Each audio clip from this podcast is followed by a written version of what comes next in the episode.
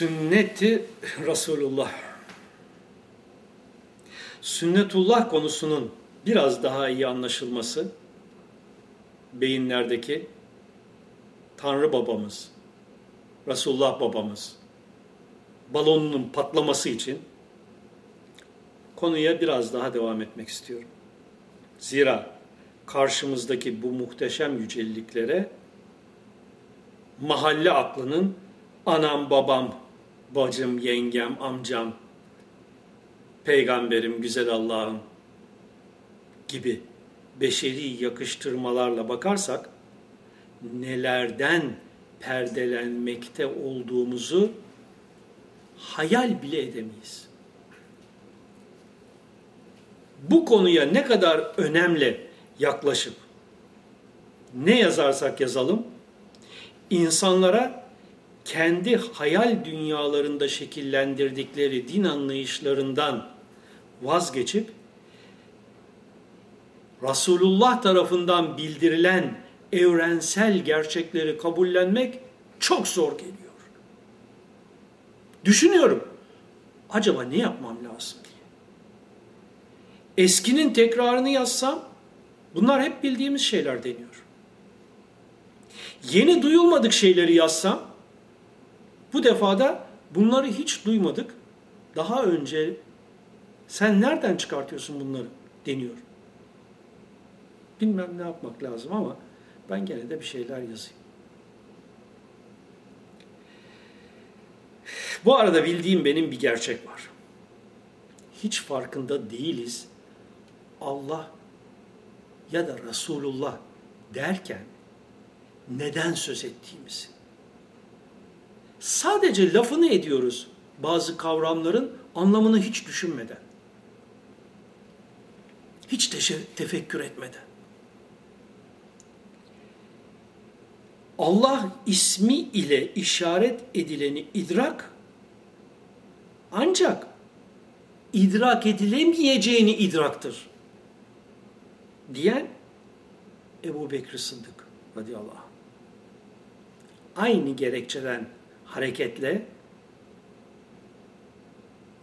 ben de diyorum ki ismi Allah olanın yeryüzündeki en büyük mucizesi olan Muhammed Mustafa aleyhisselamı idrak ve kapsamak ancak bizim bu konudaki yetersizliğimizi idraktır.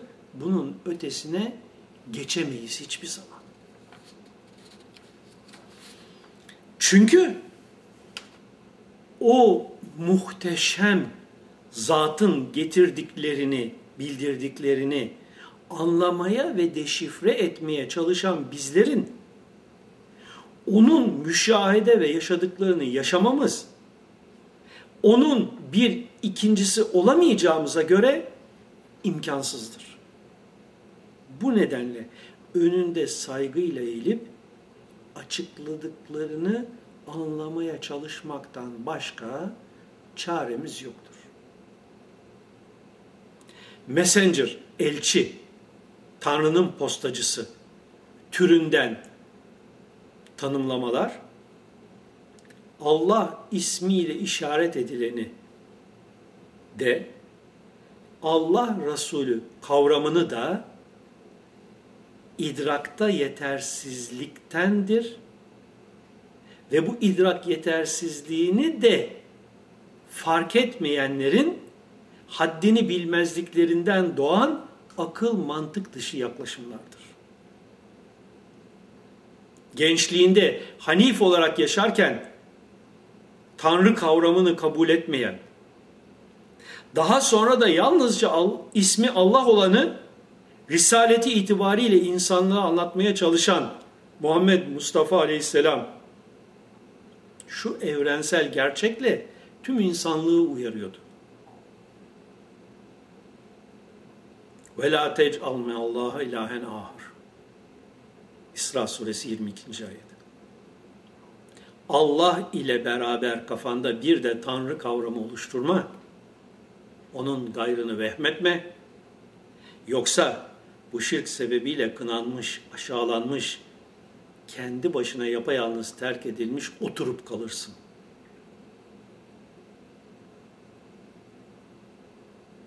İsra suresi 22. ayet meali. Çünkü Tanrı kavramı insanın dış dünyasına yönelip özündeki hakikattan mahrum kalmasını oluşturur. Ki bunun doğal sonucu da ebeden cehennem yaşamıdır. Sünnetullah gereğidir ki kim kimi inkar ve reddederse yaşamı boyunca onun getirdiklerinden de perdelenir ve bu perdelilik haliyle de ahirete intikal eder. Boyut değiştirir. İşte bu gerçeği böylece vurguladıktan sonra şimdi de gelelim Resulullah'a tabi olmak konusuna. Sünnet-i Resulullah'a tabi olmak adına bize putperest Kureyş toplumunun adet ve örfünü uygulatmaya, bunun yanlış olduğunu söyleyince de bizi sünnet düşmanı göstermeye kalkışanlara gelince. Onlar Allah kulu ve Resulü Muhammed Mustafa Aleyhisselam'ın hangi özellikler ve hangi işlevle yaratılmış olduğunu fark edemedikleri sürece bu yaptıklarına devam edecek ve sonunda çok büyük bir sükut, hayal ve hüsran yaşayacaklardır. Resulullah aleyhisselam insanın varoluşundaki şerefli hilafet özelliğine dönük yaşamındaki önceliklere gerekli uyarıları yaparken içinde bulunduğu toplumun giyim, kuşam, davranış biçimleriyle uğraşmamıştır. Bunlar insana kazandırılmak istenen muhteşem halife olma vasfı özellikleri yanında çer çöp bile sayılmayacak konulardır. Özündeki Allah esmasını müşahede edip Rabbini tanımak, Rabbani kuvvelerini yaşama geçirmek, sünnetullahı müşahede etmek, algılayabildiği evreninde her an sünnetullahın nasıl açığa çıktığını seyretmek gibi çeşitli işlevleri yaşamanın muhatabı olan insanın hala birbirinin giyimi, kuşamı, sakalı, bıyığıyla uğraşması ne kadar hazindir. Putperest Kureyş ahalisinin ana amaç yanı sıra hiçbir önem ve değeri olmayan örf ve adetlerine Resulullah'ın hoş görmesi, saygı göstermesini, onlara bu konularda uymasını bize Resulullah'ın sünneti diye kabul ettirmeye çalışan zihniyet kozasını delip geçerek hedefi basiretiyle göremediği sürece Allah Resulü'nün onlara yaşatmaya çalıştığı ebediyet dünyasındaki halifelik kemalatından mahrum kalarak ömürlerini boşa tüketeceklerdir. Oysa Resul Allah Resulüdür. Sünneti de sünnetullah'tır. Allah Resulü'nün ahlakı Allah ahlakıdır. Sünnet-i Resul sünneti Allah'tır. Allah Resulü'nün bağımsız kendine özgü sünneti olmaz. Olsaydı zaten Allah Resulü olmazdı. O kendi hevasından konuşmaz. Necm suresi 3. ayetinin kapsamını çok iyi anlamak lazım. Bu ayette Kur'an lafzı geçmiyor veya heva olmayan konuşması sadece vahiy olan ayetlerle sınırlanmıyor. Siz benden daha iyi bilirsiniz dediği konu dahi anlatmak istediğinin anlaşılamaması sonucu.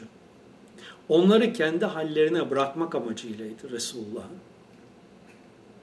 Çünkü onlara kendi bildiklerini anlatabilmesi mümkün değildi. Sünnetullah'ın o konudaki bilinmeyen bir işleyiş sistemini anlatması belki yanlış değerlendirmelere yol açacak ve neticede çok yanlış anlayışlar ortaya çıkabilecekti. Bu olay dahi Kureyşlilerin, Kureyşlilerin amaç doğrultusunda çok önemli olmayan konularına Resulullah'ın müdahale etmediğinin açık göstergesidir.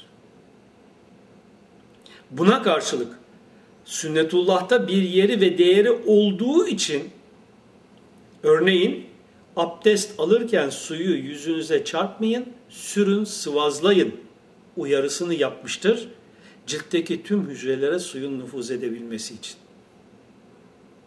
Allah bizlere Resulü Muhammed Mustafa Aleyhisselam'ın hangi özellikler ve hangi işlevle yaratılmış olduğunu fark edebilmeyi ve Allah Resulü'nün sünnetinin de Allah sünneti olduğunu kavrayabilmeyi nasip etsin.